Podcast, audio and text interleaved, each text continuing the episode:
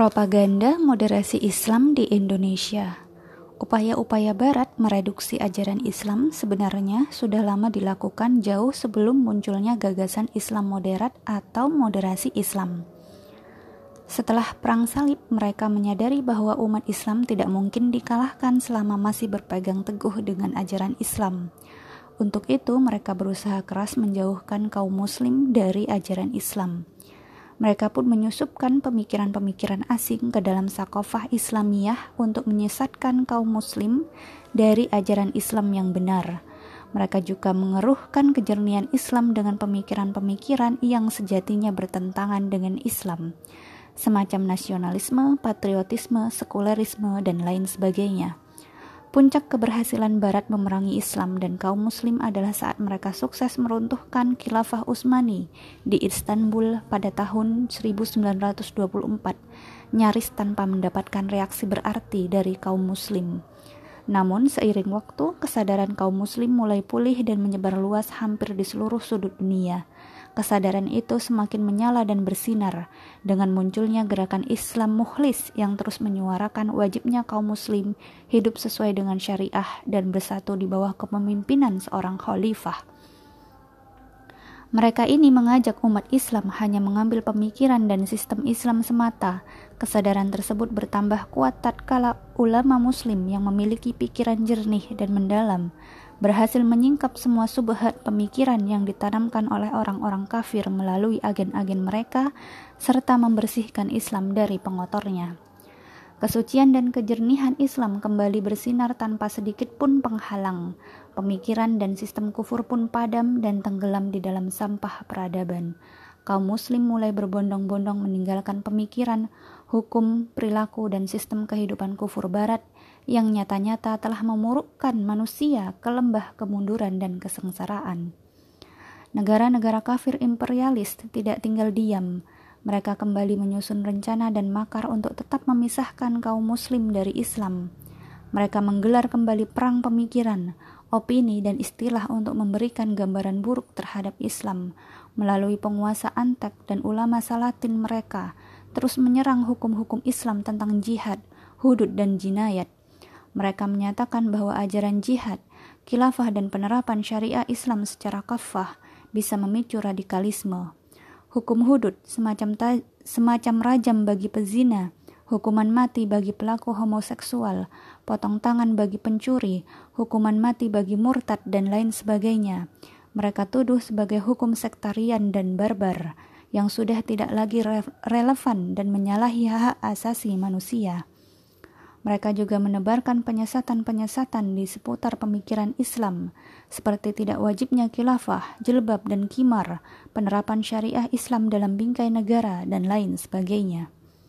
Sebaliknya, sekulerisme, demokrasi, liberalisme, pluralisme, nasionalisme, dan derivasinya dipropagandakan sebagai paham yang tidak berseberangan dengan Islam, sebagai sesuatu yang harus diterima oleh kaum Muslim. Alhasil, Moderasi Islam hakikatnya merupakan bagian tak terpisahkan dari keseluruhan perang melawan Islam dan mengokohkan sistem kapitalis demokrasi sekuler.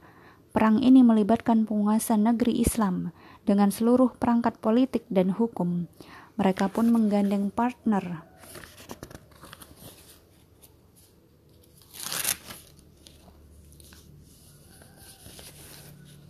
Mereka pun menggandeng partner potensial dari kalangan sekuleralis, muslim liberalis, kelompok tradisional yang moderat dan kelompok sufi. Di negeri ini telah diratifikasi sejumlah undang-undang untuk memperkuat moderasi Islam. Misalnya, pengesahan Undang-Undang Nomor 15 Tahun 2003 tentang pemberantasan tindak pidana terorisme. Ini merupakan tindak lanjut dari Perpu Nomor 1 Tahun 2002 tentang pemberantasan tindak pidana terorisme, penerbitan Peraturan Presiden Nomor 46 Tahun 2010 tentang BNPT atau Badan Nasional Penanggulangan Terorisme yang disahkan tanggal 16 Juli 2010, Perpres Nomor 7 Tahun 2021 yang disahkan pada tanggal 6 Januari 2021, RAN-PE, Rencana Aksi Nasionalisme, Pencegahan dan penanggulangan ekstremisme berbasis kekerasan yang mengarah pada terorisme. BRIN, dan undang-undang yang lain. Berbagai macam kegiatan untuk memperkuat moderasi Islam dan melibatkan unsur-unsur masyarakat digelar cukup masif. Diskusi, pelatihan, dan workshop bertajuk deradikalisasi diselenggarakan hampir di seluruh Indonesia. BNPT bekerja sama dengan PBNU pernah menyelenggarakan kegiatan diskusi dan pelatihan deradikalisasi agama berbasis kiai dan pesantren yang melibatkan kiai pesantren, kiai pemimpin pesantren NU. Tercatat juga pernah diselenggarakan simposium Menko Polhukam proyek deradikalisasi tanggal 27 Juli 2010 di Hotel Le Meridian Jakarta, Halakoh MUI, BNPT, dan polisi. Di Jakarta 11 November, Solo 21 November, Surabaya 28 November, Palu 12 Desember, dan rencana terakhir di Medan 30 Desember. Deradikalisasi agama, mudarat atau maslahat bagi umat? Dirjen Binmas Debak dalam sosialisasi Islam moderat merekomendasikan pembentukan Yayasan Ahlus Sunnah wal Jamaah di Banten 5-8 Juli 2003 disponsori The Asia Foundation, Badan Nasional Penanggulangan Terorisme, akan melibatkan berbagai kementerian dalam program deradikalisasi agar program ini bisa lebih efektif. Program ini baru kami bahas secara intensif dengan 17 kementerian, kata Ketua BNPT Komisaris Jenderal Suhardi Alius di Pesantren Ulul Albab Sukohar Harjo, Jawa Tengah, Senin 26 September 2016 dikutip dari tempo.co pada tanggal 26 September 2016.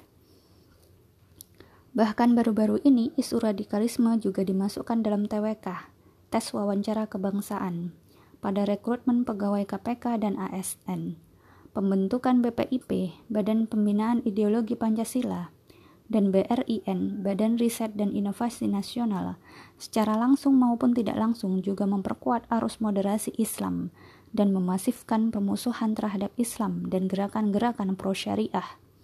Perpres nomor 33 tahun 2021 tentang BRIN telah menetapkan integrasi empat badan penelitian strategis nasional di bawah kendali BRIN. Setelah itu, kebijakan kembali digulirkan dengan menggabungkan Kemenristek dengan Kemendikbud yang secara otomatis menempatkan BRIN sebagai lembaga independen. Keberadaan BRIN sendiri hingga kini masih diperdebatkan dan ditengarai syarat dengan kepentingan politik ideologis. Berbagai macam opini juga digulirkan untuk menguatkan arus moderasi agama dalam peringatan Isra Mi'raj di Istana Bogor Selasa 10 April 2018 Menak Lukman Hakim Syaifuddin saat itu menyeru umat Islam untuk menghadirkan wajah agama yang moderat dan unggul dengan karakter wasatiyah. Ia juga menyatakan bahwa Indonesia sebagai bangsa yang besar telah menunjukkan kepada dunia bahwa Islam dengan karakter wasatiyahnya dapat merawat kemajemukan yang ada. Dalam kaitannya dengan moderasi Islam, NU mendeklarasikan gagasan dan istilah Islam Nusantara pertama kali secara resmi pada tahun 2015.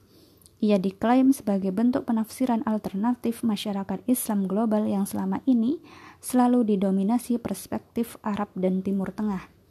Apa yang dimaksud Islam Nusantara? Nahdlatul Ulama 22 April 2015 Wikipedia Islam Nusantara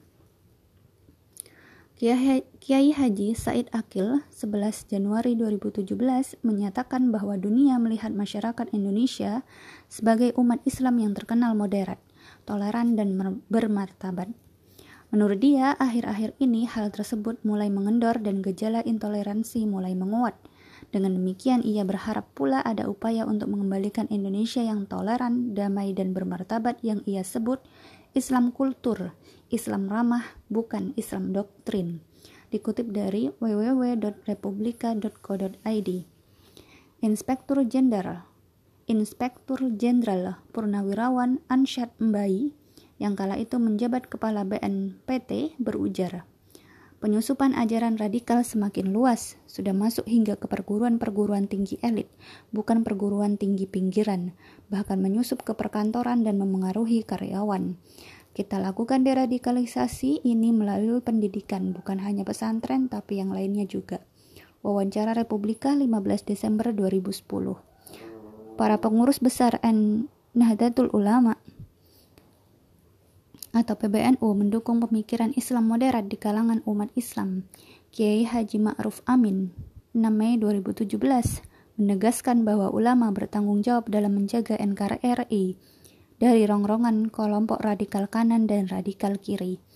Istilah radikalisme sendiri pada praktiknya lebih ditujukan untuk paham yang ingin mengganti sistem demokrasi sekuler dan menggantikannya dengan syariah dan khilafah.